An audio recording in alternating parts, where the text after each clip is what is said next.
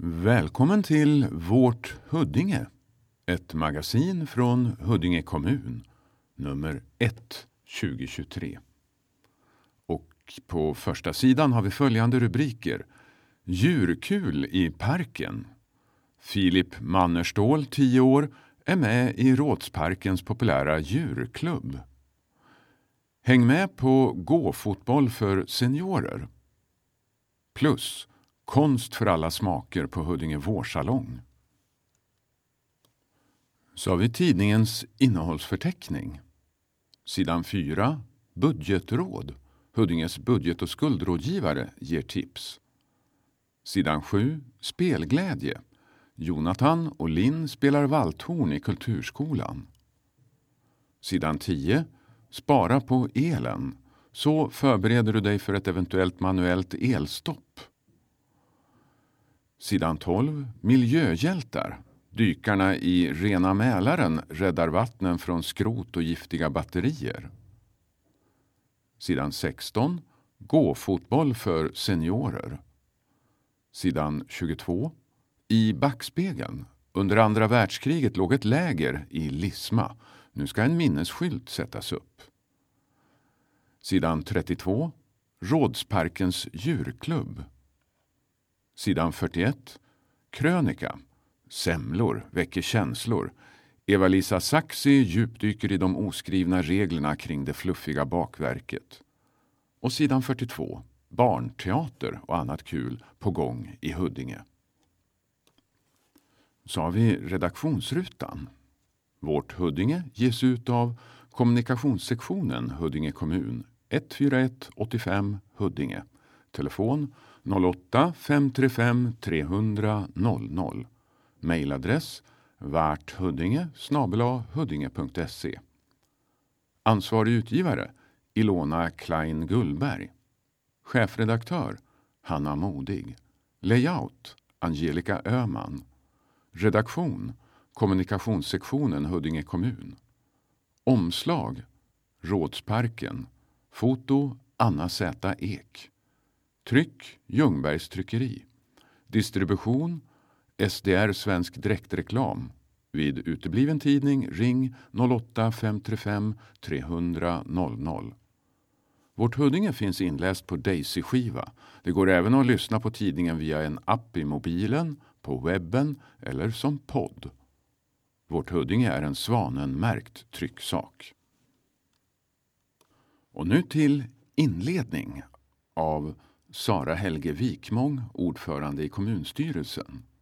Mot våldet tillsammans. Vi är många som känner bestörtning över dödsskjutningen i Skogås i slutet av januari. Det är en oerhört tragisk händelse när en 15-åring skjuts till döds. Våldsvågen över Stockholm skapar oro hos många Huddingebor. Jag är stolt över personal på skola och fritids, trygghetsvärdar, socialtjänst, polis och det lokala föreningslivet som mötte ungdomar och boende direkt efter händelsen i Skogås. Det trygghetsskapande arbetet tillsammans med polisen, bostadsbolag och civilsamhället ska fortsätta samtidigt som vi arbetar aktivt med förebyggande och tidiga insatser. Kampen mot kriminaliteten måste vara kompromisslös. Vi ska fortsätta med avhopparverksamhet, kameror och samarbete med polisen men för att knäcka gängen behöver vi också knäcka nyrekryteringen. Där är det förebyggande arbetet avgörande. Permanenta satsningar på barn och ungas fritid, skola, fortsatt arbete med föräldrarådgivare, fältsekreterare, familjecentraler och öppen kulturskola är några exempel på arbete som mittenstyret prioriterar.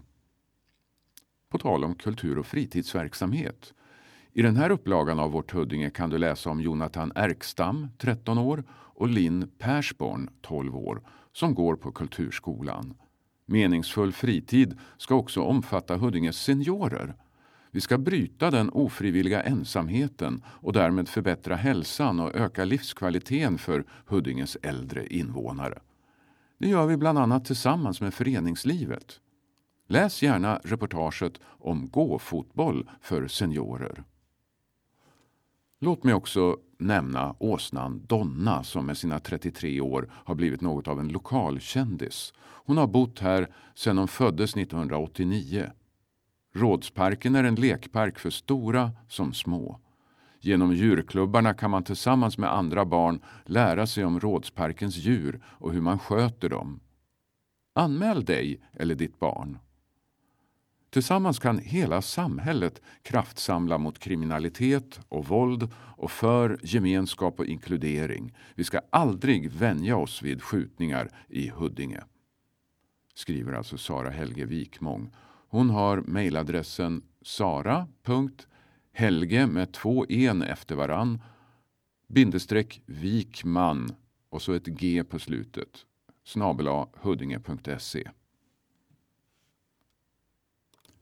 Under temat Aktuellt så har vi artikeln Fler söker hjälp för att få koll på pengarna. I inflationens spår kan det vara svårt att få hushållsbudgeten att gå ihop. Anna Husell och Pernilla Ek har jobbat som kommunens budget och skuldrådgivare i drygt ett år. På kort tid har de sett en tydlig ökning av antalet rådsökande. Det mest anmärkningsvärda är att det är så många nya ansikten. Det är många som aldrig behövt hjälp tidigare som nu söker upp oss, säger Anna Husell. De rådsökande har ofta flera kreditlån som har blivit svårare att betala när räntan har ökat. Dessutom har både hyran och elräkningen blivit dyrare.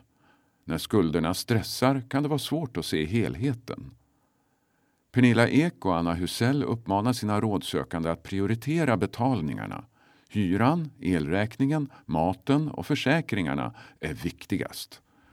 Om en person inte kan betala sina skulder kan Kronofogden göra en löneutmätning, det vill säga att en del av inkomsten går till att betala av på skulderna. Då lönar det sig att prata med Kronofogden. Många med löneutmätning undviker att prata med Kronofogden men det är mycket bättre att ha kontakt och informera dem om aktuell inkomst och utgifter så att de inte drar av för mycket från inkomsten, säger Pernilla Ek. Skrivet av Adam Hesselbom. Och på sidan 4 finns ett foto med bildtexten Pernilla Ek och Anna Husell är Huddinge kommuns budget och skuldrådgivare.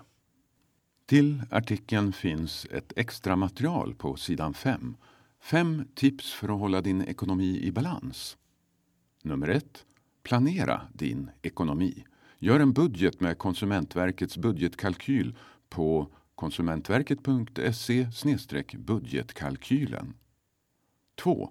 Planera en inköpslista och storhandla mat som går att laga hemma. Undvik att äta ute. 3.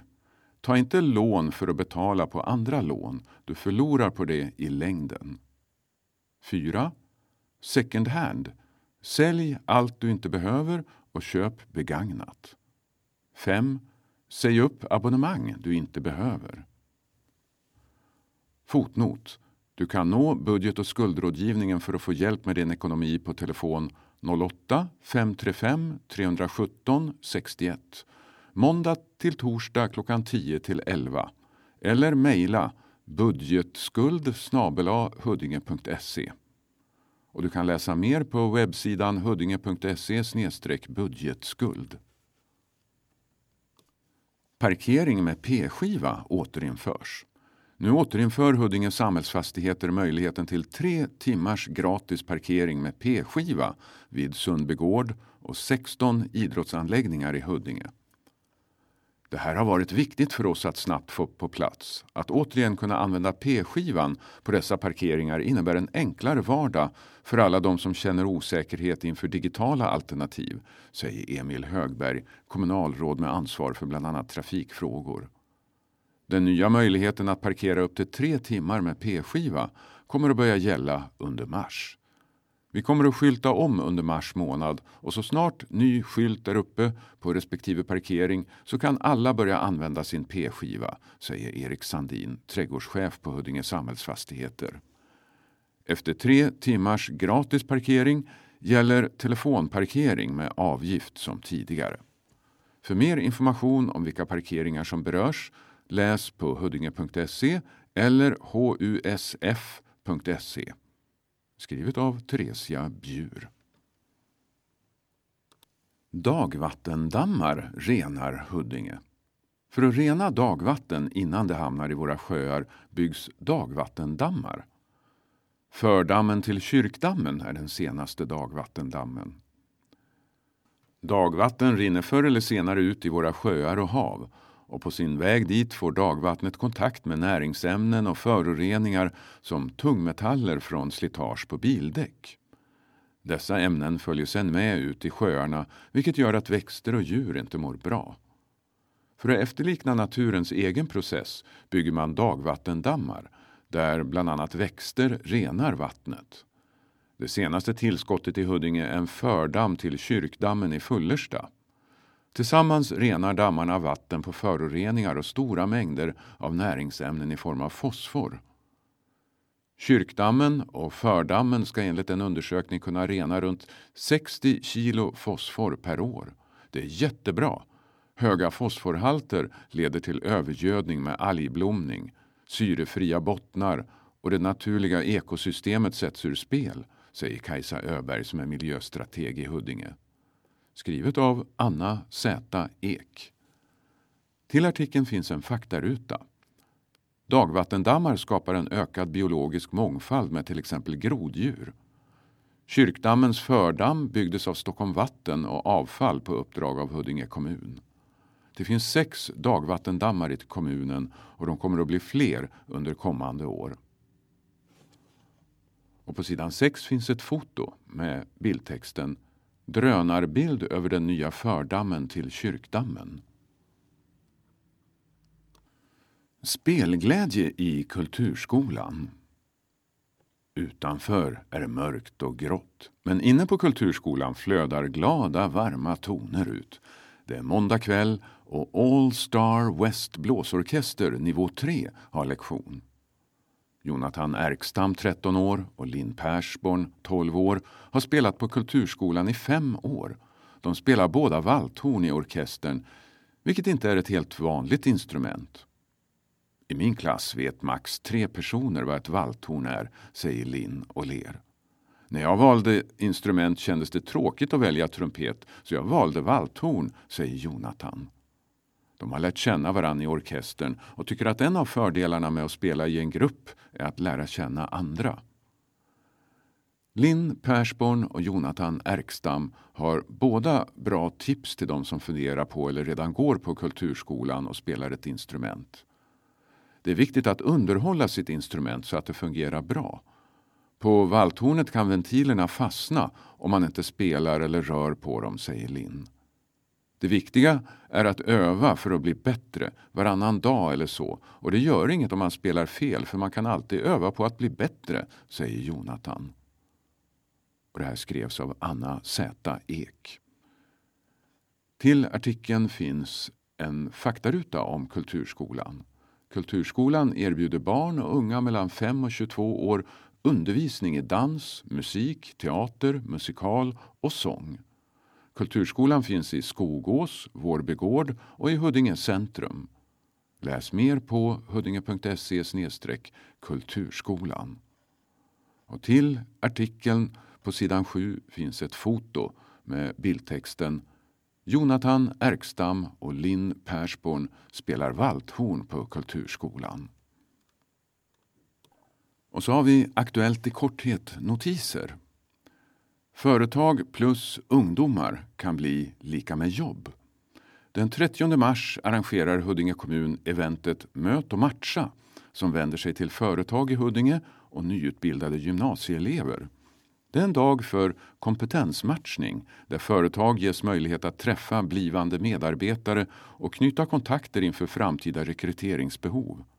Eleverna får möjlighet att ställa frågor till företagare inför sitt inträde på arbetsmarknaden. Förhoppningen är att eventet ska bidra till att kontakter knyts inför framtiden. Något som är bra för både företag och ungdomar. Och så siffran. Fem bibliotek finns i Huddinge kommun. Och en annan siffra. 64 konstnärer sökte till Huddinge vårsalong 2023. Upptäck Huddinges alla lekplatser. Lekplatsguiden Kom och lek presenterar 40 lekplatser i Huddinge. I den kan du läsa om vilka aktiviteter och bekvämligheter lekplatserna erbjuder, var de ligger och hur du tar dig dit.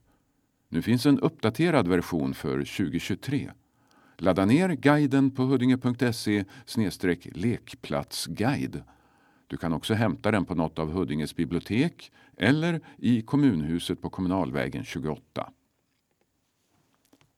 Flemingsbergs bibliotek öppnar i Fleminghallen under våren.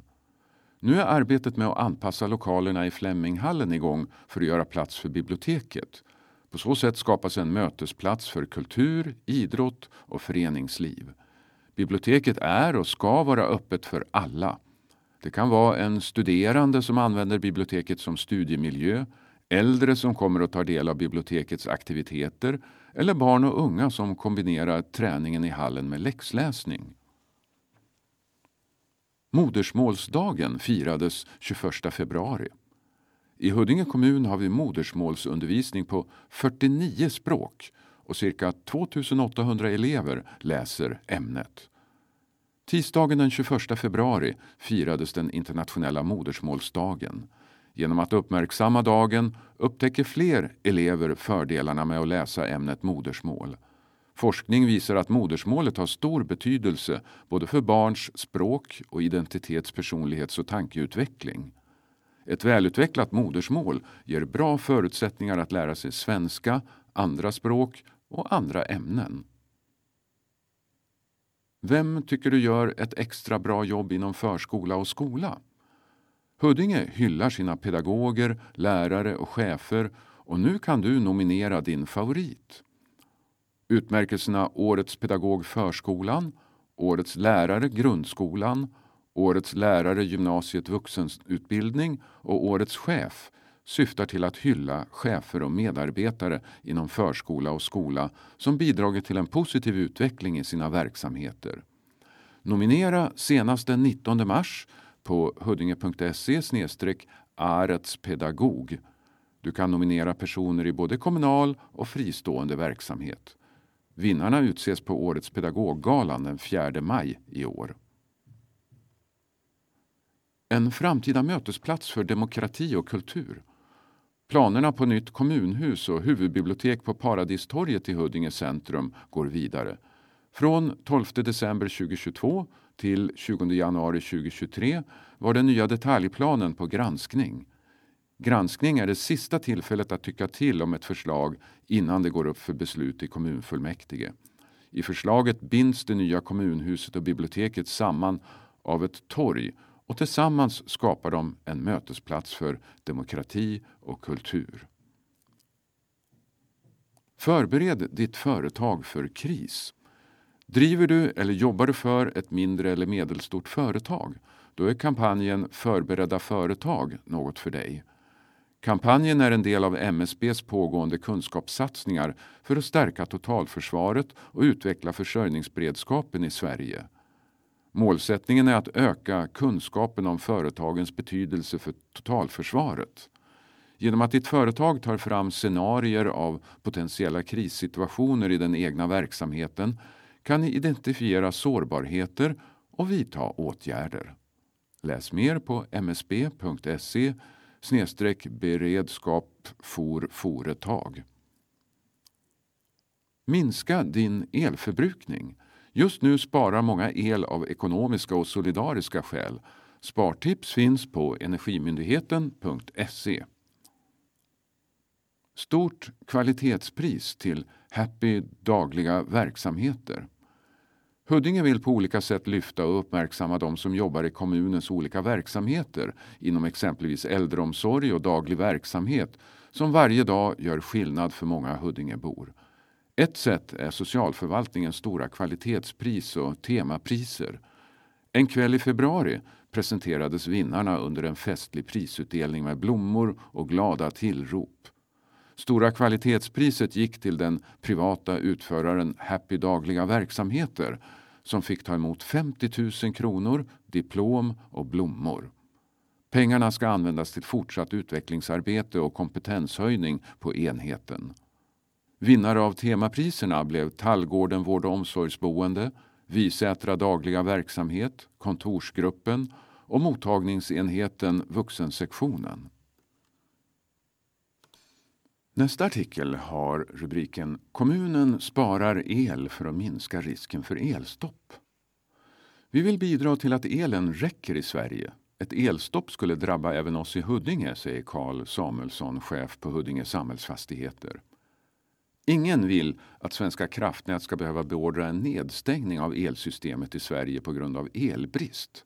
Därför pågår ett intensivt arbete med att spara el runt om i landet. Det svåraste för oss med att spara el är att hitta åtgärder som ger stor besparing utan att det påverkar verksamheterna och kommuninvånare i alltför stor utsträckning, säger Karl Samuelsson på Huddinges kommunala fastighetsbolag Huddinge Samhällsfastigheter. Bolaget äger många av kommunens lokaler med skolor, fritidsgårdar, äldreboenden och idrottshallar. Och det finns besparingar att göra, även om det inte är lätt. Vi har sedan länge haft energieffektivisering och driftoptimering på vår agenda. Hade det varit enkelt att spara el så hade det inneburit att vi slösade med elen innan denna fråga uppmärksammades, säger Carl Samuelsson. Huddinge Samhällsfastigheter har nu lyckats minska elförbrukningen med 5% under perioden november till januari i år jämfört med samma period ett år tidigare. De åtgärder som gjorts handlar om vad Carl Samuelsson beskriver som beteendeförändringar och avstängningar. Detta har gjorts i nära samarbete och i dialog med verksamheterna som vistas i våra lokaler. Vi kommer att fortsätta utveckla arbetet oavsett elkris eller ej för att på lång sikt ge bästa nytta till kommunen. Hur kan invånarna bidra till att spara el då? Att göra de små insatserna och följa de råd som har kablats ut genom att försöka effektivisera sånt som drar el hemma. Har man inte bytt till LED-ljuskällor så är det något man bör titta på. Har man eluppvärmning så är inomhustemperatur och varmvattenanvändning viktiga att hålla koll på. Till artikeln finns några faktarutor. Först en med rubriken Få koll på läget med Energimyndigheten. På Energimyndighetens webbplats kan du få en aktuell bedömning och beskrivning av nuläget när det gäller el och energi.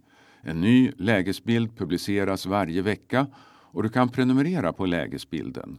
Hos Energimyndigheten finns också många bra spartips. Läs mer på energimyndigheten.se. Och så tre korta om elnätet och elstopp.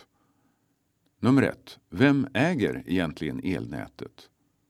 Vattenfall AB äger elnätet i Huddinge. Det kan vara praktiskt att få information från Vattenfall via sms och mail men då behöver du som kund anmäla det till Vattenfall. 2. Vad händer vid eventuellt elstopp? Om Svenska kraftnät tar beslut om manuell frånkoppling så informeras Vattenfall med väldigt kort varsel.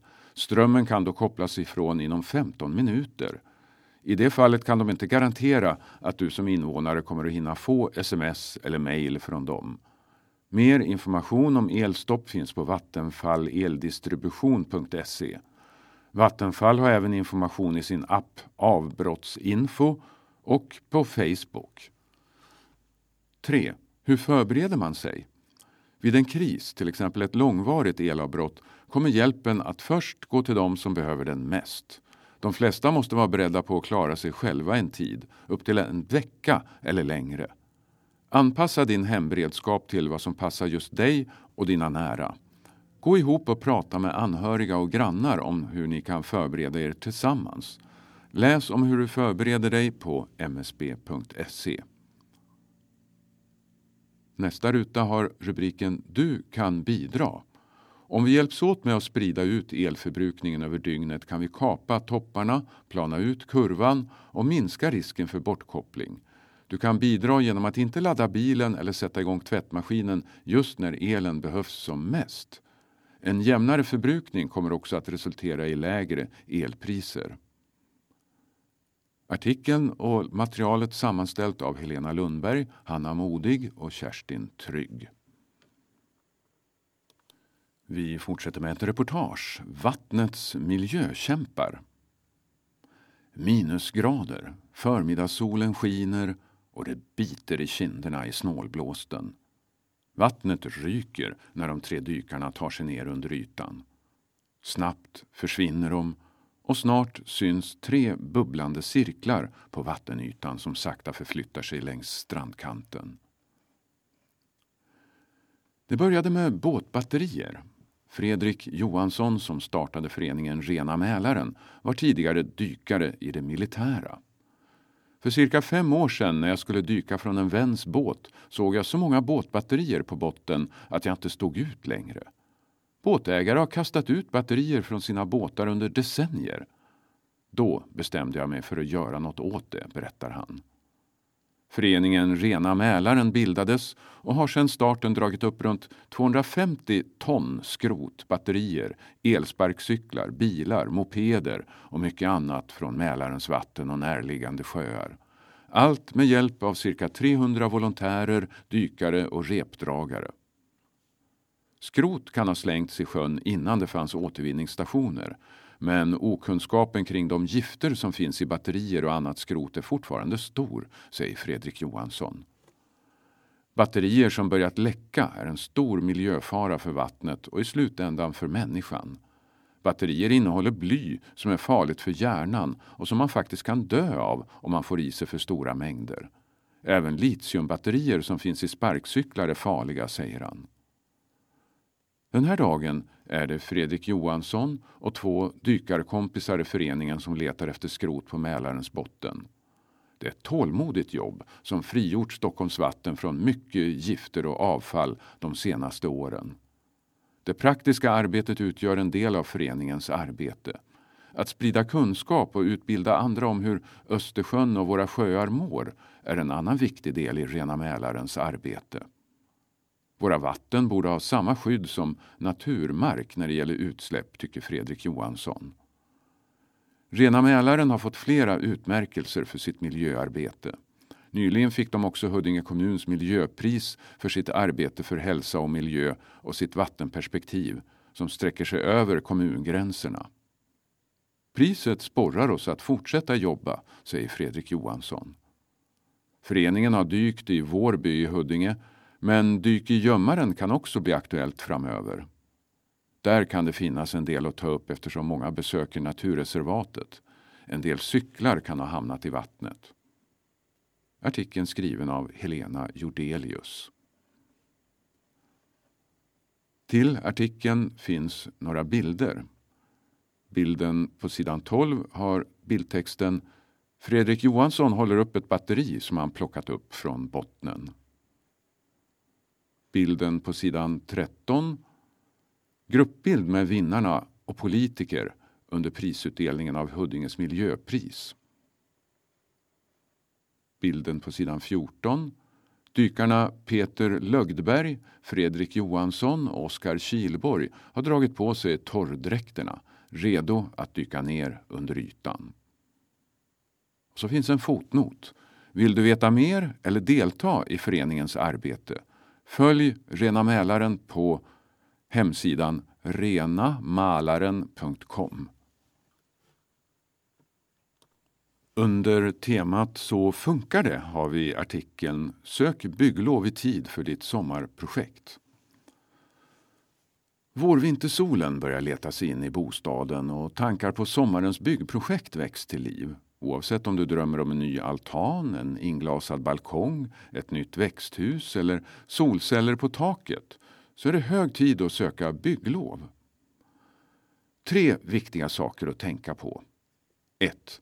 Ta reda på vilka regler som gäller för det du vill göra. Behöver du söka bygglov, göra en anmälan eller kanske inget av det. 2. Skicka med rätt handlingar. De ska vara fackmannamässigt gjorda med korrekta mått, skala och fastighetsbeteckning. 3. Ibland behöver du någon annans tillstånd för ditt bygge, till exempel från en granne eller bostadsrättsförening. Tänk på att skaffa tillstånd i god tid. E-tjänst hjälper dig. För att söka ett bygglov eller anmäla ett byggprojekt använder du kommunens e-tjänst. Där kan du sedan följa ditt ärende och få information när något nytt har hänt. Du kan också komplettera din ansökan och skicka meddelande till din handläggare i e-tjänsten. Har du andra frågor?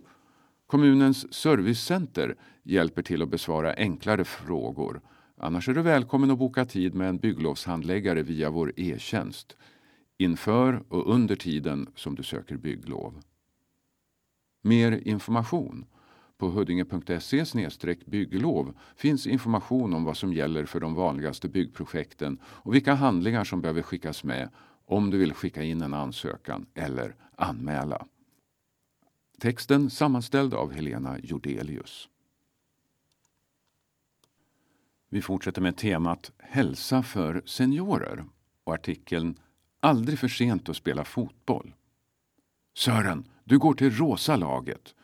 Vi får se sen om vi behöver skifta lag om det blir lite väl mycket mål, ropar Bosse Henriksson över fotbollsplanen i Fleminghallen i Flemingsberg. Det är en grå torsdag i januari och i Fleminghallens A-hall står tolv glada seniorer i rosa och blå västar redo att sparka igång dagens gåfotbollsmatch. Vi hade tänkt dra igång gåfotboll för seniorer för flera år sedan men så kom pandemin och allt sattes på paus. I höstas bestämde vi oss för att köra igen och trots bara en anmäld till första träffen i oktober blev vi snabbt 30 personer, berättar Bosse Henriksson. Han jobbar på Stuvsta IFs kansli och är initiativtagare till Huddinges första gåfotbollslag. För att kunna spela gåfotboll behövs inga tidigare spelkunskaper. Alla spelar på samma villkor. Det är bra mycket roligare än vad jag hade räknat med. Gå och spela fotboll, det kan väl inte vara något. Men det här är helt klart jobbigare än vad jag trodde. Det är en rolig motionsform för oss gamla gubbar och tanter. Det är inte tillåtet att tacklas eller vara fysisk och om någon blir för ivrig och råkar springa går bollen över till andra laget. På så sätt är det en skonsam sport och reglerna är anpassade för att minimera skador. Det är fantastiskt egentligen att vara över 70 och få lira fotboll. Det är bra för det fysiska och för huvudet. Jag blir lätt sittande hemma när det är tråkigt väder men här får jag träffa likasinnade till både ålder och intresse, säger Hasse Welinder som idag står på läktaren på grund av sitt onda knä. Stuvsta IF har sedan oktober erbjudit gåfotboll för personer över 55 år. Idag är den yngsta spelaren 62 år och den äldsta blir 82 i år. Gabriella Hedman är äldst i gänget och har varit med från start.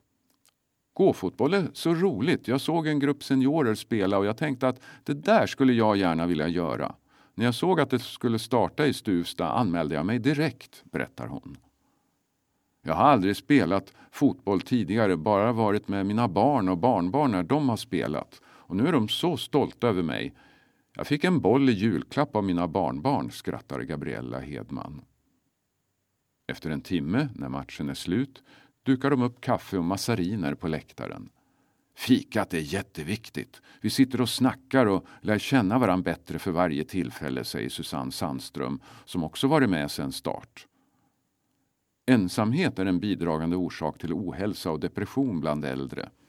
Huddinge kommun delar därför ut bidrag till föreningar och studieförbund som vill göra en insats för seniorhälsa och arrangera aktiviteter som motverkar ofrivillig ensamhet bland äldre.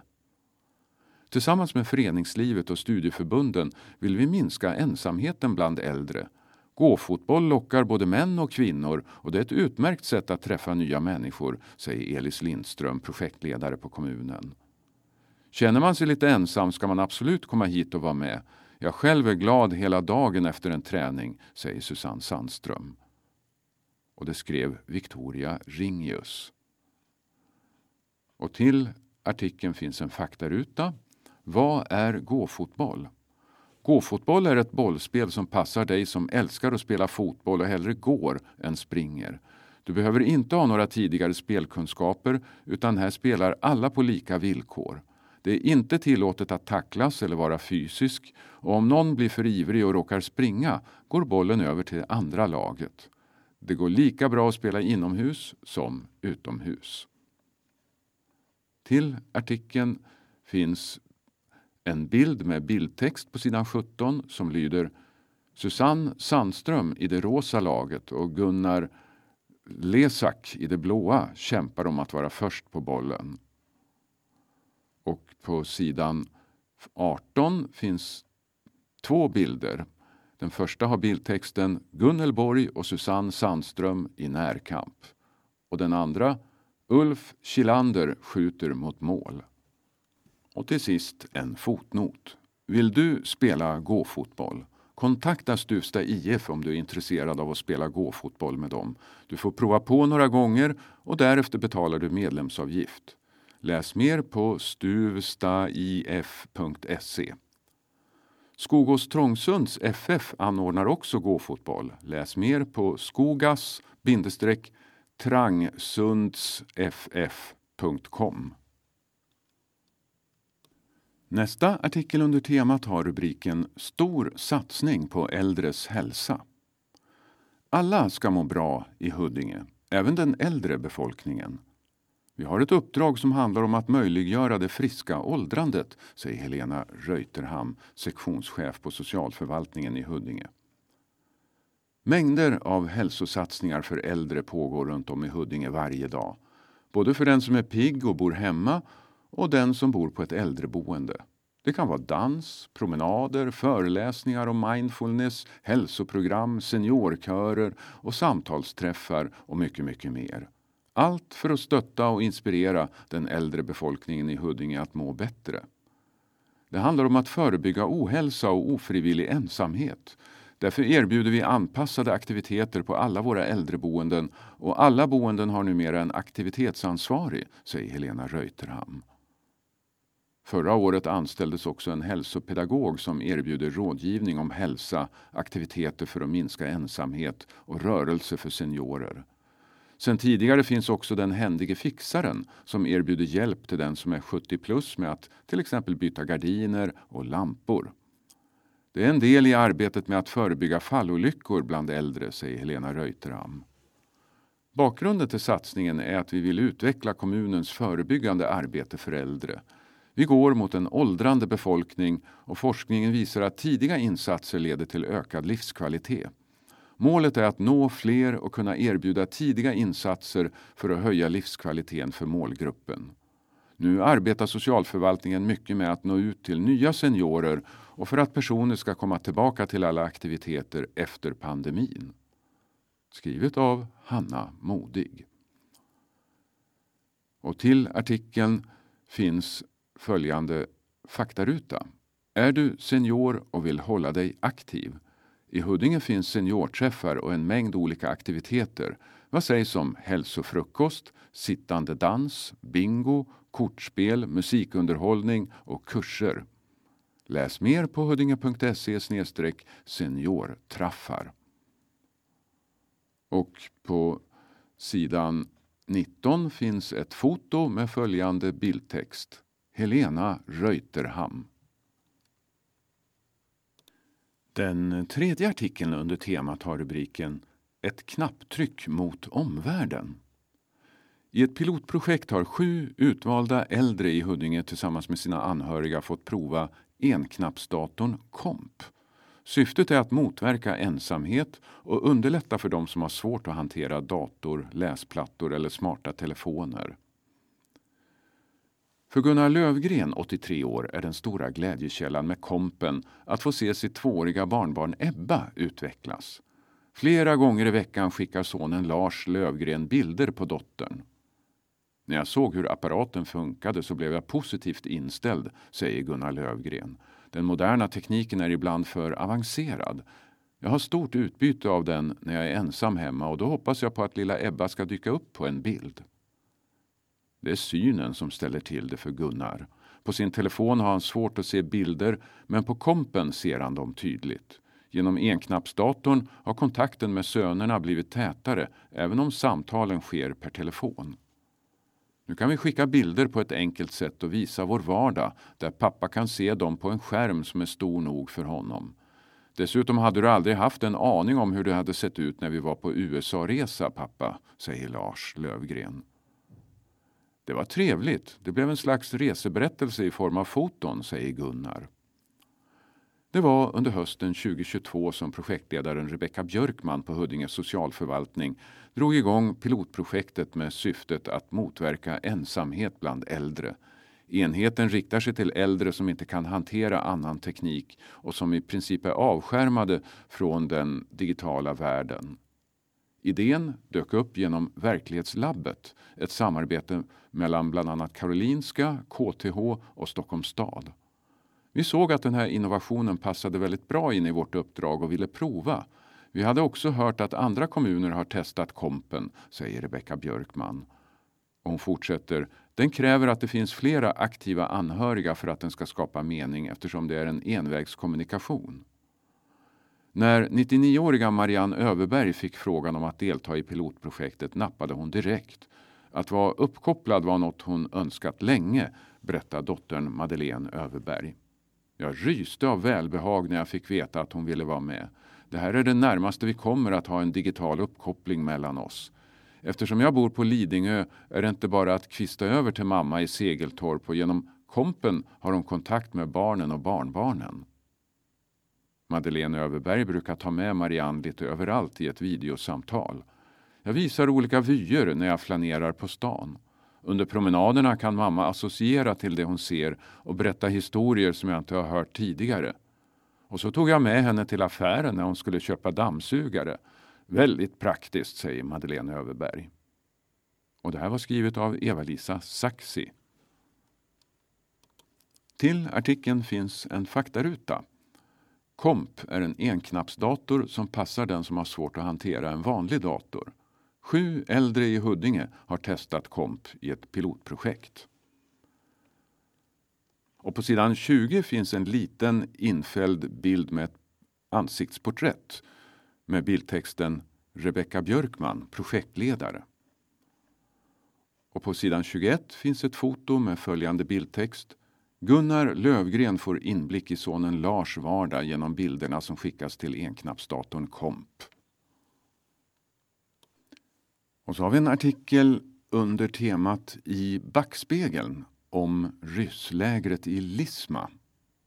Rubriken är Skylt ska påminna om mörk historia. Under andra världskriget flydde tusentals människor från krigets Europa till Sverige. Bland dem fanns sovjetiska soldater som hamnade i Lisma. År 1942 inrättades ett antal läger i Sverige, så kallade ryssläger, där sovjetiska soldater internerades. Lägren sköttes tillsammans av svenska och sovjetiska myndigheter och var arbetsläger. Flyktingarna arbetade bland annat med skogsavverkning och väganläggning. Förhållandena var hemska och arbetet hårt. Ett av lägren var Lisma gård i Huddinge som öppnades våren 1942 och stängdes i oktober 1946. I huvudbyggnaden fanns kontor, kök, matsal, samlingslokal och bostäder för personalen. Flyktingarna bodde i baracker på området. Det stod klart redan från början att de sovjetiska soldaterna skulle utlämnas till Sovjet. Den 9-10 oktober 1944 utvisades 900 soldater, vilket var den största enskilda flyktingutlämningen från Sverige under andra världskriget. Många av soldaterna hamnade i Gulag eller i andra straffläger. Idag finns inte många spår kvar efter lägret i Lisma. Barackerna revs strax efter att lägret stängdes och huvudbyggnaden förföll och brändes 1970. Skrivet av Helena Lundberg. Faktaruta. Nu får rysslägret en minnesskylt. Ett Huddingeförslag om en minnesskylt vid Lisma gård har lämnats in till kommunen. Skylten ska berätta om platsen där ett av Sveriges ryssläger låg. Under våren 2023 kommer skylten att komma på plats. Och till artikeln på sidan 22 finns ett svartvitt foto med bildtexten Mangårdsbyggnaden där lägret i Lisma låg fotograferad på 1960-talet. Fotnot Källa Ett annat Stockholm av Charlotte Hyltén Cavallius, Birgitta Larsson och Anna Lihammer Stiftelsen Kulturmiljövård, skrifter 4. Vi fortsätter med temat bilden. Nu handlar det om vinterbad. Vi har badat varje dag i tre år nu. Sjöängsbadet i Trångsund klockan 11.05. Himlen är blå och solen skiner när Eva och Anna går ut till den isiga bryggan för att ta det dagliga doppet. Vi har badat varje dag i tre år nu, säger Eva. Det började med att en väninna drog med Eva för ett bad i Arboga i november 2019. Hon blev fast direkt. Jag bara låg och skrattade när jag gick i. Det var en så häftig känsla. När Eva kom hem till Trångsund gick hon ensam ner till Sjöängsbadet för att bada. Det ska man inte göra. Man ska aldrig bada ensam. Så jag skrev i den lokala Facebookgruppen och frågade om någon ville hjälpa mig att hacka hål i isen. Anna såg Evas inlägg och sedan dess badar de varje dag oavsett årstid. Det är även andra som brukar vara med så de är ett litet badgäng där vid Sjöängsbadet. För Anna ger badet energi. Anna hade varit sjuk många år i ME, CFS och hennes nervsystem var igång hela tiden. Jag behövde prova något nytt. För mig som har ME, CFS har badet två olika effekter. Dels kommer jag ner i lugnet när jag går ner i det kalla vattnet och landar i nuet. Men det ger mig även en uppiggande effekt som vi med ME, CFS saknar. Det är positivt att under några timmar få extra energi, säger Anna. Eva säger att det inte finns några vetenskapliga undersökningar runt detta men att man har sett att det har en positiv effekt på depressioner. Det är en energikick som ger glädje. Endorfinerna bara rusar i kroppen när man går ner i det kalla vattnet. Det är dagens höjdpunkt för mig, säger Eva. Hon säger också att det är kul att få umgås med andra som badar och berättar att de under december hade adventsfika på söndagarna med glögg och pepparkakor. Någon riktigt mörk dag hade de även med marschaller som lyste upp badet. Vi har ställt in en enda gång. Det var när det blåste storm. Inte för att det inte gick att bada utan för att det var för obehagligt när man kommer upp efter badet. Annars har det värsta vädret vi badat i varit 17 minus och snöstorm. Anna och Eva berättar att den där riktiga kicken båda kände i början har sjunkit men båda tycker att det fortfarande är jättehärligt. Det är en livsstil helt enkelt. Man ångrar aldrig ett bad när man står här på stranden och har kläder på sig igen, säger Anna. Text och foto Anna Z Ek. I en fotnot står det Är du också sugen på vinterbad i Sjöängsbadet? Kolla efter gruppen Vaken i Sjöängen på Facebook. På sidan 23 finns en liten bild med bildtexten Året runt-badarna Eva och Anna. Och sen på sidan 24-25 finns den stora bilden med texten Sjöängsbadet i Trångsund klockan 11.05. Himlen är blå och solen skiner när Eva och Anna hoppar i isvaken vid Sjöängsbadet. De har badat varje dag i tre år nu. Och på bilden syns en kvinna som håller på att gå ner i badet. Hon är iklädd svart baddräkt, lila mössa och svarta handskar. Hon har munnen vidöppen. Uppe på bryggan står en annan kvinna med lång blå täckkappa på sig, svarta skor och vit mössa. Hon tittar ner i en mobiltelefon. Under temat kultur har vi artikeln Hon bjuder in till Huddinge vårsalong. Vårsalongen är ett sätt att stimulera alla som på ett eller annat sätt håller på med konst i Huddinge. Man får en chans att bli bedömd och få visa upp sig, säger Madeleine Engfeldt Julin, en av eldsjälarna bakom Huddinge vårsalong som öppnar den 11 mars. Madeleine Engfeldt Julin i föreningen Huddinge konstnärsklubbs vänner fick idén att arrangera en vårsalong i Huddinge redan 2017 hon fick med sig andra konstintresserade i de lokala konstföreningarna och tillsammans arrangerade de den första vårsalongen 2018. Folk kom åkande hit från hela Stockholmsområdet, minns Madeleine. Då ställde 61 konstverk av 43 konstnärer ut och 17 verk såldes. Nu öppnas snart den femte omgången av Huddinge vårsalong. Vårsalongen ställdes in 2021 på grund av pandemin. Men intresset för att ställa ut är fortsatt stort. Jag blir lika glad varje gång över att kvaliteten på bidragen generellt är så hög och att det är en sån bredd när det gäller teknik, ålder och varifrån i kommunen man kommer. Det finns många duktiga konstnärer i kommunen, säger Madeleine Engfeldt Julin och understryker hur viktigt det är för den som jobbar med konst att bli bedömd. Om man till exempel ska söka till en konstskola eller ett stipendium är det en merit att ha kommit med i en jurybedömd utställning. Av den anledningen är en viktig del i arbetet inför varje omgång av vårsalongen att anlita en jury bestående av tunga namn, det vill säga etablerade och kända konstnärer. I år är det fotografen och skulptören Maria Miesenberger och konstnären Ricardo Donoso. Alla Huddingebor över 18 år är välkomna att skicka in bidrag. Bor man inte i Huddinge kan man skicka bidrag om man blir medlem i någon av konstföreningarna. Under åren har vårsalongen visats på flera ställen i kommunen, till exempel på Östra gymnasiet och Litografiska museet i Sundbygård. I år visas den på Folkes i Huddinge centrum och Galleri Lyktan i Skogås centrum. Vi vill att människor i hela kommunen ska kunna se utställningen. Vårsalongen visar olika typer av konst från måleri till foto och keramik. Vad gäller större konstverk och skulpturer finns en viss begränsning. De måste kunna hängas från väggen i linor och får inte vara för stora eller för tunga. Det är av utrymmesskäl och beror på utställningslokalerna.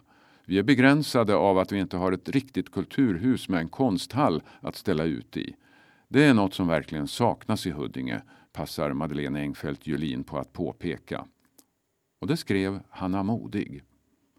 Till artikeln finns följande faktaruta. Huddinge vårsalong 2023 visas på Folkes i Huddinge centrum 11 till 31 mars och på Galleri Lyktan i Skogås centrum 15 april till 6 maj. Huddinge vårsalong arrangeras av föreningen Huddinge kulturhus konstgrupp som består av fem lokala konstföreningar. Huddinge kommun är medarrangör. Läs mer om Huddinge vårsalong på huddingevarsalong.se. Och till artikeln finns också ett collage av bilder på sidan 27 med följande bildtexter. En vårsalong är ett sätt att hälsa våren välkommen med konsten i fokus, säger initiativtagaren och konstnären Madeleine Engfeldt Julin. Och de båda infällda bilderna bakom har följande bildtext.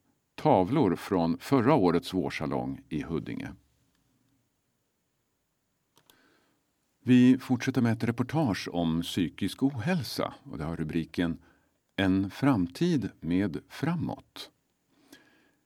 I Huddinge finns flera hundra unga vuxna som mår dåligt och varken jobbar eller pluggar. I kommunens verksamhet Framåt får de hjälp att hitta nya vägar för att komma vidare i livet. Vintersolen strilar in genom fönstren i Framåts lokaler på Diagnosvägen i Flemingsberg. Det är eftermiddag och fyra besökare, fyra coacher och en gruppledare sitter i köket och småpratar. För många av besökarna är ett första steg att bara komma hit och umgås, sy, göra musik, pyssla eller laga mat. Men vi ställer inte några krav på socialt deltagande, säger gruppledaren Cecilia Gullberg. Vissa besökare deltar i stort sett aldrig i gemensamma fikastunder eller aktiviteter utan gör saker på egen hand. Vinsten för dem att komma hit är ändå väldigt stor. Man kan vara social på sina egna villkor. Gemensamt för alla besökare är att de får individuellt stöd via en coach. Vi utgår alltid från den situation de är i och hjälper dem att sätta personliga mål. Ibland kan det handla om att ha som ett första mål att bara öppna datorn för att sen längre fram kunna söka till någon form av studier, säger coachen Tom Andreasen. Besökaren Ava, som är 27 år, har haft tillfälliga jobb och varit sjukskriven för sitt dåliga mående i perioder i flera år. Hon berättar att det är svårt att få jobb när man inte kan jobba heltid. Det är väldigt kravlöst här och bra att komma hemifrån. Annars är det lätt att tappa det sociala, säger hon. Carolina Wallander Björk som är 26 år har en liknande historia och håller med. Ofta kan det kännas jobbigt att säga att man är sjukskriven. Det är stigmatiserande, men här förstår de. Man känner att man kan prata med de som jobbar här på ett sätt som man ofta inte kan göra med äldre, säger hon. Både Ava och Carolina Wallander Björk önskar att de hade hittat framåt tidigare, för att komma hit är verkligen till hjälp. Andreas Söderlund som är 19 år, också besökare, håller med. Det hjälper en inte att bara sitta hemma och älta. Alla som jobbar här är oerhört trevliga och engagerade och vill verkligen hjälpa en, säger han. Hur många besökare som kommer till Framåt när det är öppet tisdagar och torsdagar varierar. Men coacherna sitter inte bara och väntar utan ägnar mycket tid åt att chatta och smsa med sina besökare för att motivera dem att komma till träffarna. De kan också träffa blivande besökare utanför lokalen innan första besöket. Coacherna bryr sig och kommer med mycket klokskap och många idéer kring jobb, studier och livet, säger Andreas Söderlund. Skrivet av Hanna Modig. Och till artikeln finns följande faktaruta om Framåt för unga vuxna. Framåt drivs av Huddinge kommun och riktar sig till personer som är 18 till 30 år, har psykisk ohälsa och står långt från arbetsmarknaden. Framåt är en förkortning av framtid och återhämtning. Syftet är att bryta isolering och erbjuda stöd i att ta första stegen till förändring, återhämtning och vägen mot ett självständigt vuxenliv. Vill du veta mer om Framåt så kan du kontakta gruppledaren Cecilia Gullberg på 08 535 31667. Information finns också på huddinge.se sysselsattning. Till artikeln finns också några bilder. Den första bilden på sidan 28-29 har följande bildtext. Ava, 27 år, Carolina Wallander Björk, 26 år och Andreas Söderlund, 19 år, besöker Framåt för återhämtning och coachning. I lokalen finns pyssel, måleri och annat kreativt att göra. Men ofta sitter vi bara och fikar och pratar, berättar Carolina Wallander Björk. Till bilden på sidan 30 finns följande bildtext. Andreas Söderlund, 19 år, har fastnat för att sy och drömmer om att skapa egna kläder. Jag vill gärna jobba med något kreativt i framtiden, säger han. Och till bilden på sidan 31 finns följande bildtext. Carolina Wallander Björk, 26 år, har sjungit i hela sitt liv och har musik som sitt stora intresse. På Framåt har hon återupptagit intresset och spelar in låtar i musikstudion där hon får hjälp av coachen Johannes Nordell. Under temat Mitt kvarter så har vi artikeln Djurklubben är veckans höjdpunkt. Filip Mannerstål, 10 år, och Alice Wulf, 11 år, är med i Rådsparkens djurklubb. Då får man komma extra nära de populära djuren och hjälpa till med matning och skötsel. Det är så mysigt att komma hit. Har man haft en dålig dag känns allt bättre, säger Alice Wulf, 11 år. Både hon och Filip Mannerstål, som båda är med i Stora djurklubben, har djur som sitt stora fritidsintresse och vill gärna jobba med djur när de blir vuxna. Varje eftermiddag samlas de och andra mellanstadiebarn i stallet i Rådsparken. Kaninerna ska kammas, marsvinen matas och åsnorna behöver en promenad i parken. Det är mycket att göra innan det är dags att ta in alla djuren för kvällen. Alla djur är gulliga men jag tycker allra bäst om åsnorna, säger Alice. Filip gillar också alla djur, men kaninerna och åsnorna gillar jag allra bäst, säger han. Den äldsta åsnan Donna, som är född i parkens anläggning 1989, är nära nog en legend. Det berättar fritidsledarna Annette Larsson och Jessica Tegelund som arbetar i parken och har stenkoll på alla djur. Vi lär känna varje individ så de känns nästan som ens egna djur, säger Jessica. Det värsta med djur är att de lever kortare liv än människor och dör före oss, säger Annette Larsson som fasar för den dagen då Donna inte längre kommer att orka. Hon har ju alltid funnits här. I och för sig kan åsnor bli uppåt 40-50 år men det märks att hon är gammal. Men det är inte bara djuren som fritidsledarna i parken lär känna. En del Huddingebor kommer förbi varje dag och köper kaffe eller bara stannar och tittar på fåren och getterna, berättar Annette. De kan vara föräldralediga, sjukskrivna och pensionärer men också lunchflanörer och förskoleklasser, äldre och yngre skolbarn. På helgerna kommer barnfamiljer på utflykt och grillar och leker i flera timmar. Många hittar ett sammanhang bland djur, säger Jessica. Rådsparken började ha djur i liten skala redan 1984. Sen byggdes stallet några år senare. Under åren som gått har parken etablerats till en av Huddinge kommuns mest folkkära platser. Det finns föräldrar som besöker parken med sina barn idag som själva var här och lekte som små, säger Jessica. Själv kan hon inte tänka sig något annat jobb. Man får villkorslös kärlek från djur om man bara är vänlig, lugn och ser till att de har det bra. Och det skrev Hanna Modig. Till artikeln finns följande faktaruta. Djur engagerar stora och små. I rådsparken finns får, getter, höns, ankor, åsnor, kaniner, marsvin och en katt. Äldst i stallet är åsnan Donna, 33 år, som är född i parken. Under våren väntas tillökning i parken. Killingar kommer att födas ungefär när denna tidning delas ut. Läs mer på huddinge.se radsparken. Fotnot. Gillar du också djur? Det finns plats för fler medlemmar i Rådsparkens djurklubbar. Läs mer på huddinge.se radsparken. Och till artikeln finns några bilder med bildtexter. Bilden på sidan 32 har följande bildtext. Filip Mannerstål och Alice Wulf är med i Rådsparkens djurklubb. Här får åsnan lagom en omgång med ryktborsten. På sidan 33 finns en bild med bildtexten Getterna är ett viktigt inslag i parken. Killingar väntas i vår. Och så bilden på sidan 34 som har bildtexten Kaninerna får mycket gos av medlemmarna i djurklubben. Alice Wulf och Filip Mannerstål klappar och borstar dem med van hand. Under temat kultur handlar det nu om Karin Boye-priset med rubriken Rörd och hedrad.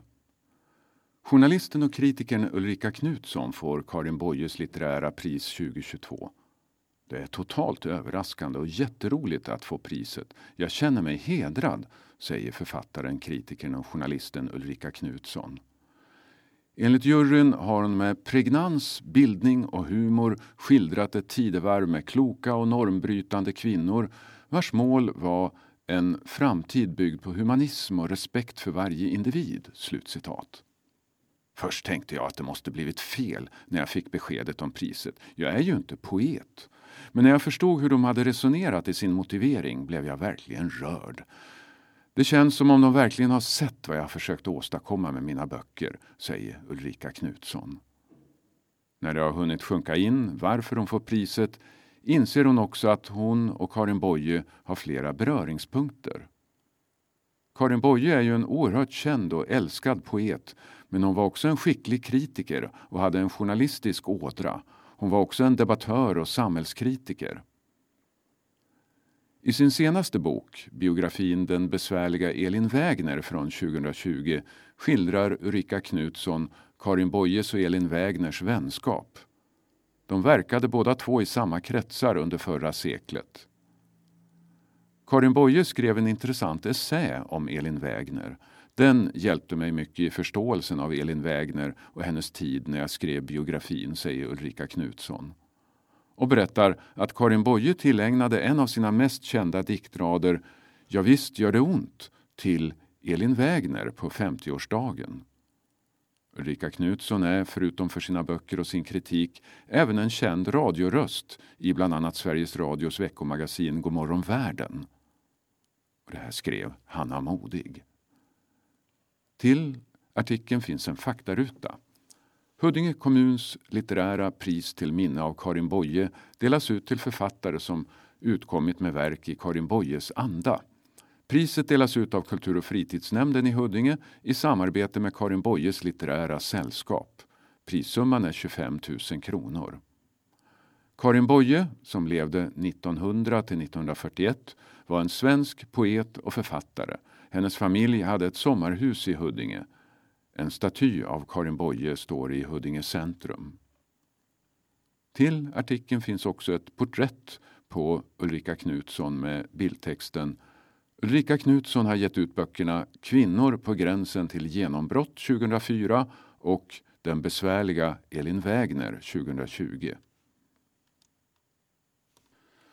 Under temat Porträttet har vi artikeln hennes pappa byggde samevistet i paradiset.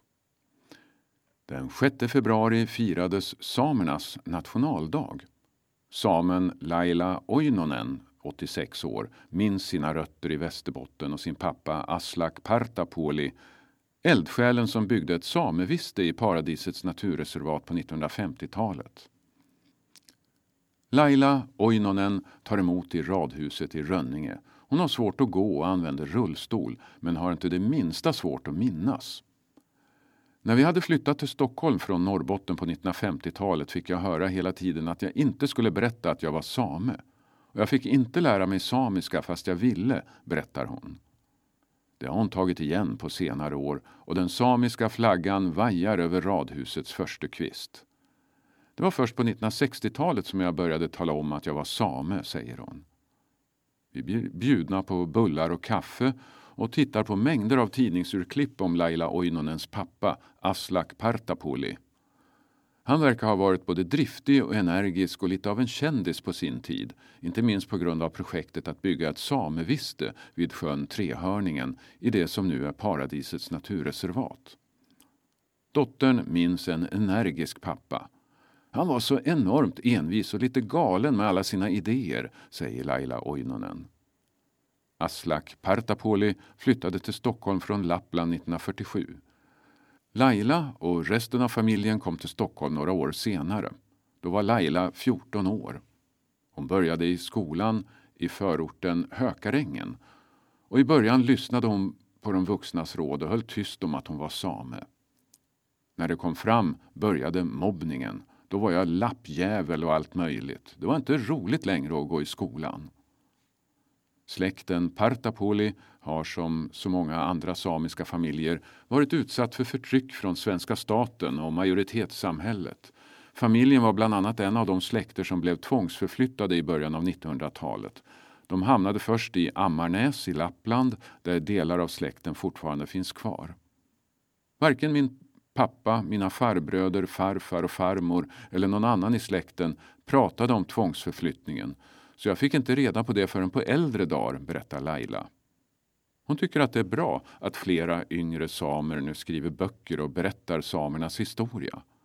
Jag läser och det är otroliga saker, alltså hemska grejer de har gjort mot samerna. Skallmätningar och allt vad de hade för sig. Hon grunnar en del på varför hon själv inte pratade mer med sina egna fyra barn om allt förtryck mot Sveriges urfolk.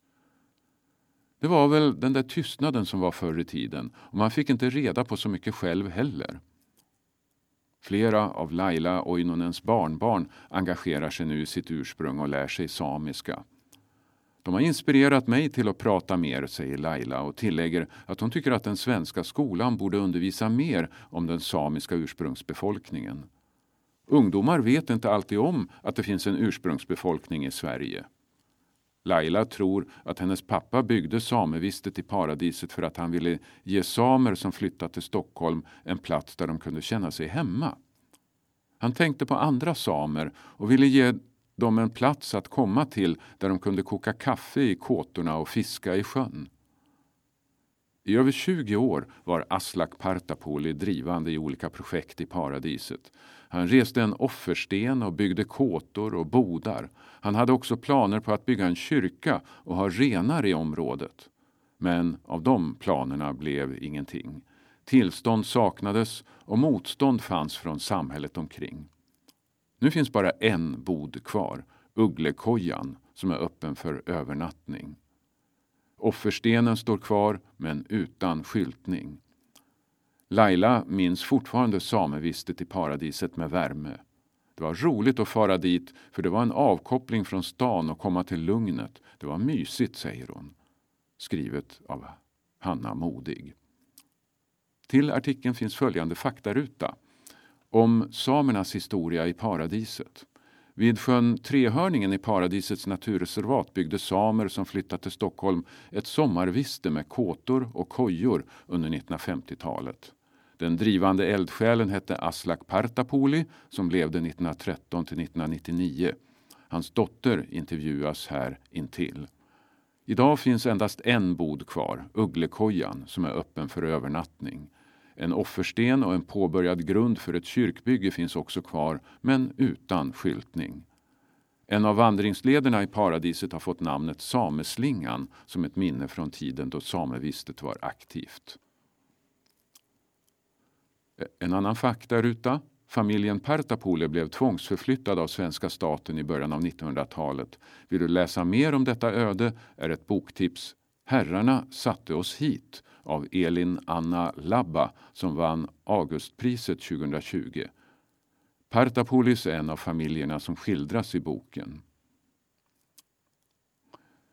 Och så ytterligare en faktaruta från sidan 36. Samer är Sveriges urfolk och en av fem nationella minoriteter. Sveriges kommuner ska enligt lag skydda, stödja och stärka de nationella minoriteternas språk och kultur. Och så har vi några bilder med bildtexter. Bilden på sidan 37 har bildtexten Laila Oinonen och barnbarnet Sebastian Björkman utanför radhuset där både den samiska och den svenska flaggan vajar. Bilden på sidan 38 har bildtexten Laila Oinonen har samlat mängder av tidningsartiklar om sin pappa Aslak som var mycket omskriven på sin tid. Barnbarnet Sebastian Björkman är engagerad i olika samiska projekt och hälsar ofta på. På sidan 39 finns först en bild med bildtexten Ugglekojan var en av bodarna i samevistet i paradiset. Och den andra bilden har texten Sameslingan har fått sitt namn som en påminnelse om samevistet som låg vid Trehörningen i mitten av förra seklet. Vi fortsätter med krönikan, den här gången skriven av Eva-Lisa Saxi. Är det okej okay att äta semla före och efter fettisdagen? I många katolska länder är det karnevalstid innan fastan. I Sverige är vi lite mer modesta och firar med en bakelse, fastlagsbullen, också känd som semla eller fettisdagsbulle.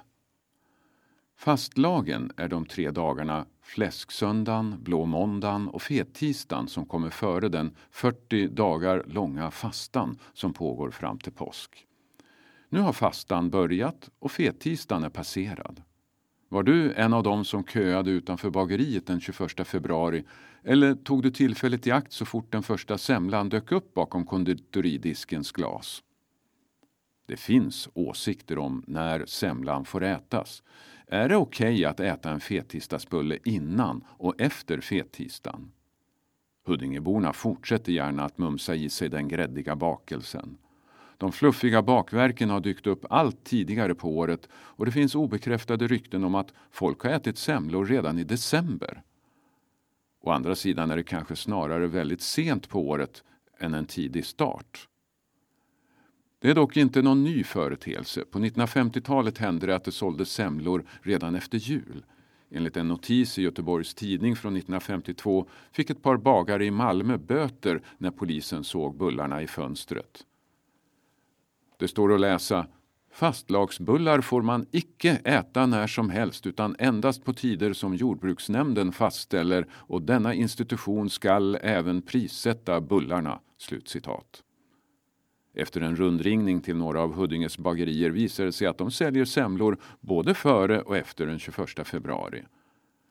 Det är något med semlor som engagerar. Det finns olika läger, traditionalister och de som glatt anammar den nya utvecklingen de senaste åren. Det har dykt upp allt märkligare varianter av fastlagsbullen. Semmelwraps, karlsbadersemlor, nachosemla, rulltårtssemla, muffinssemla, cronut, alltså croissant-donut, är några av dem. Men jag är osäker på om den sista ingår i den utvidgade semmelfamiljen. Det finns också olika skolor om bullen ska ätas på det gamla sättet med varm mjölk eller inte. Debatten om hetväggen kan gå varm. På fettisdagen den 12 februari 1771 åt den matglade kung Adolf Fredrik en rejäl middag. Hetvägg, dåtidens semla utan grädde och mandelmassa, var en favorit. Det sägs att han åt 14 stycken och att det blev en hetvägg för mycket och efter middagen dog han troligen av slaganfall. Greven och skalden Johan Gabriel Oxenstierna skrev sen att citat Hetvägg drivas i landsflykt ur Sverige sedan den begått ett kungamord. Slutcitat. Enligt statistik från branschorganisationen Sveriges bagare och konditorer år 2020 äter vi omkring 6 miljoner semlor bara på fettisdagen. Det går åt 132 ton mandelmassa, 211 ton grädde och 2,6 ton kardemumma.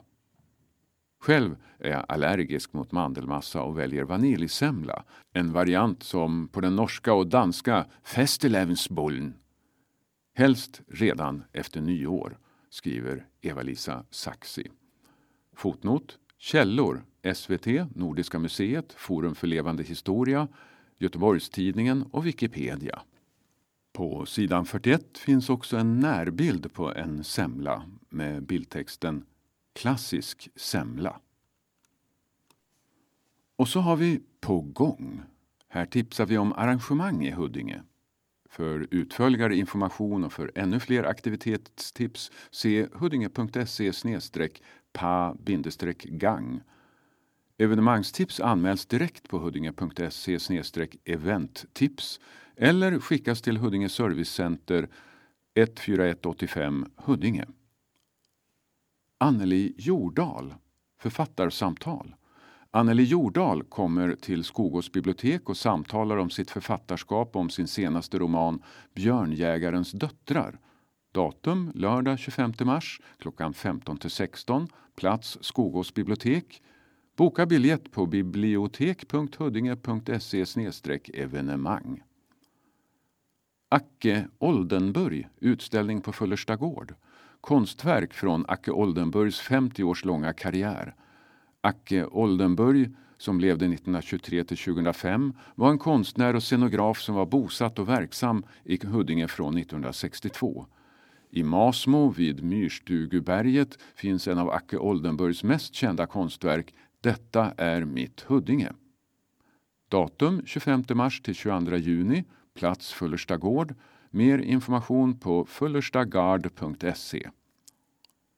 Maria Soxbo, Ställ om. Författarbesök i Segeltorp. Maria Soxbo, journalist, influencer inom hållbarhet och medgrundare av Klimatklubben berättar om sin bok Ställ om. Datum onsdag 29 mars klockan 18-19. Plats Segeltorps bibliotek. Boka biljett på bibliotek.huddinge.se evenemang. David Jonstad berättar om livet på landet. Författarbesök. Journalisten och författaren David Jonstad talar om sin senaste bok Meningen med landet, min väg till ett jordat liv. I boken berättar han om hur han följde sin dröm och flyttade med familjen från Stockholm till Dalarna. Datum onsdag 15 mars klockan 18 19. Plats Segeltorps bibliotek. Boka biljett på bibliotek.huddinge.se evenemang. Bykdagar i Tvätterimuseet. Testa gammeldags byk. Välkommen till Tvätterimuseet i Hagalund, Sveriges enda tvätterimuseum. Det är något för den som vill ha en natur och kulturupplevelse, lära sig mer om arbetarnas slit med att laka byk, stompa strumpor och koka kalsonger som för hundra år sedan. Välkommen att prova på gammeldags byk. Datum söndag 23 april 12 14 vårbyk.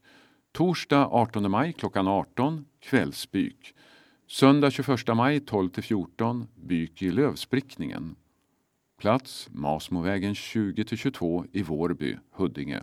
Mer information på tvatterimuseet.se. Bokklubb för dig som är 9-12 år. Tycker om att läsa böcker, fika och pyssla? Välkommen till Bokklubben. Du behöver inte föranmäla dig och väljer själv hur ofta du vill vara med. Ta gärna med dig ett eget boktips till Bokklubben. Vi ses!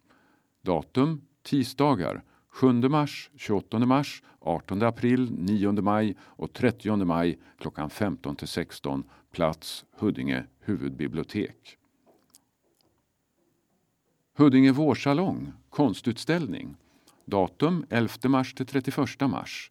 Plats Folkes Huddinge centrum. Datum 15 april till 6 maj. Plats Galleri Lyktan, Skogås centrum.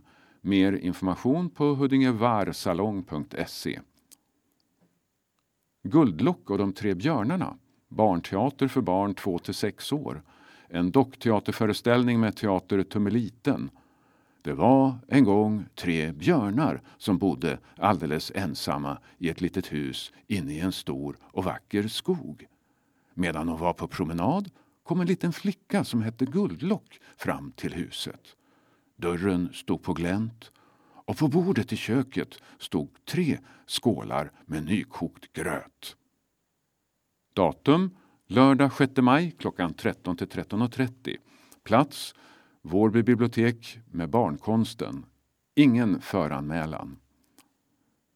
Syrsan och myran. Barnteater för barn från fem år.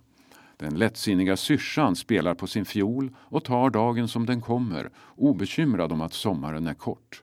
När han träffar myrorna som sliter för att fylla på vinterförråden retar han dem för deras flit.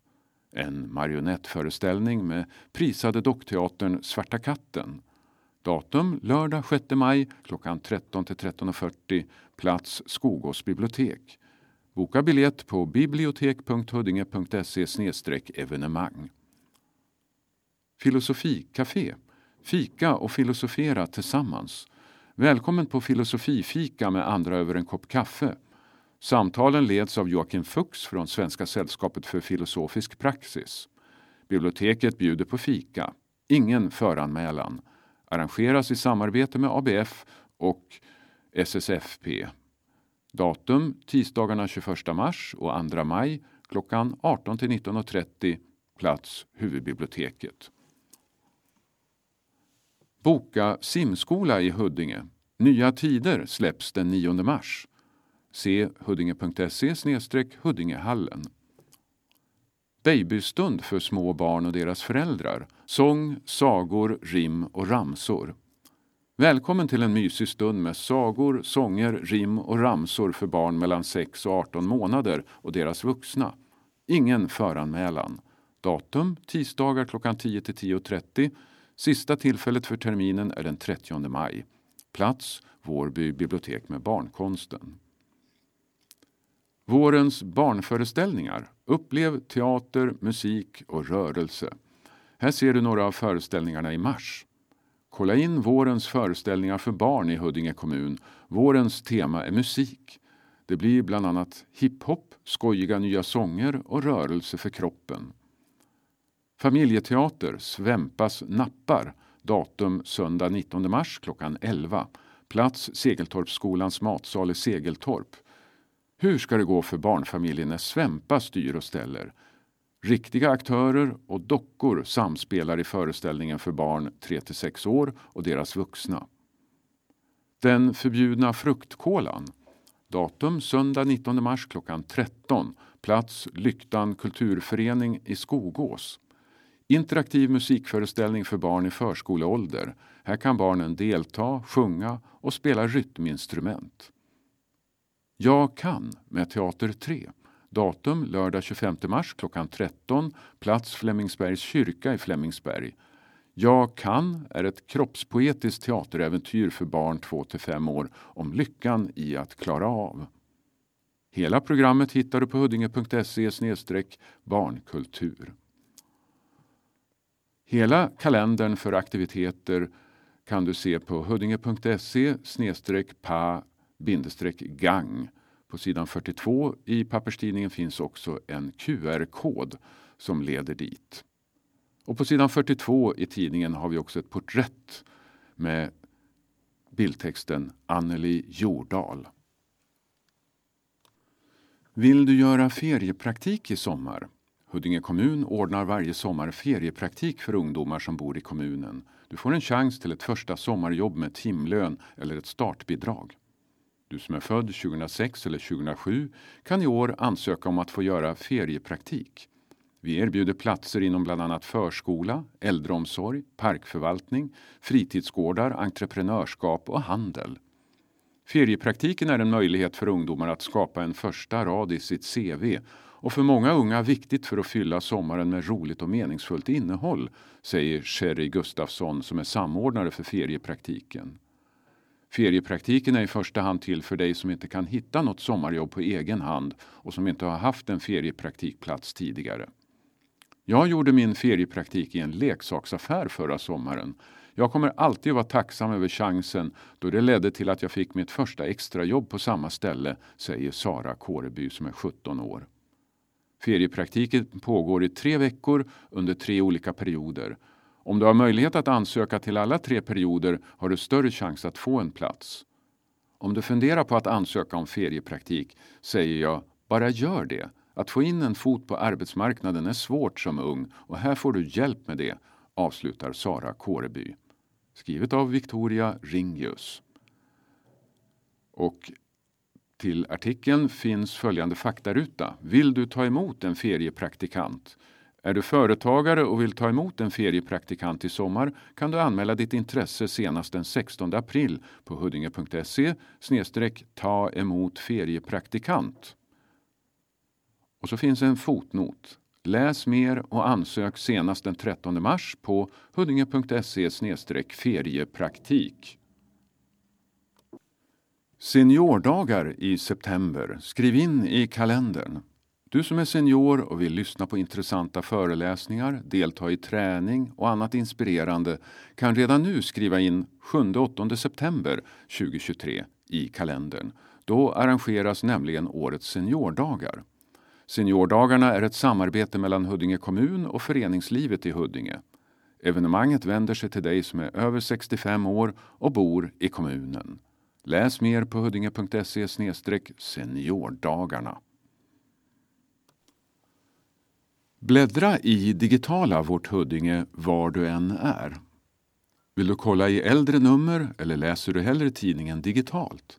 På huddinge.se vart Huddinge finns det digitala arkivet.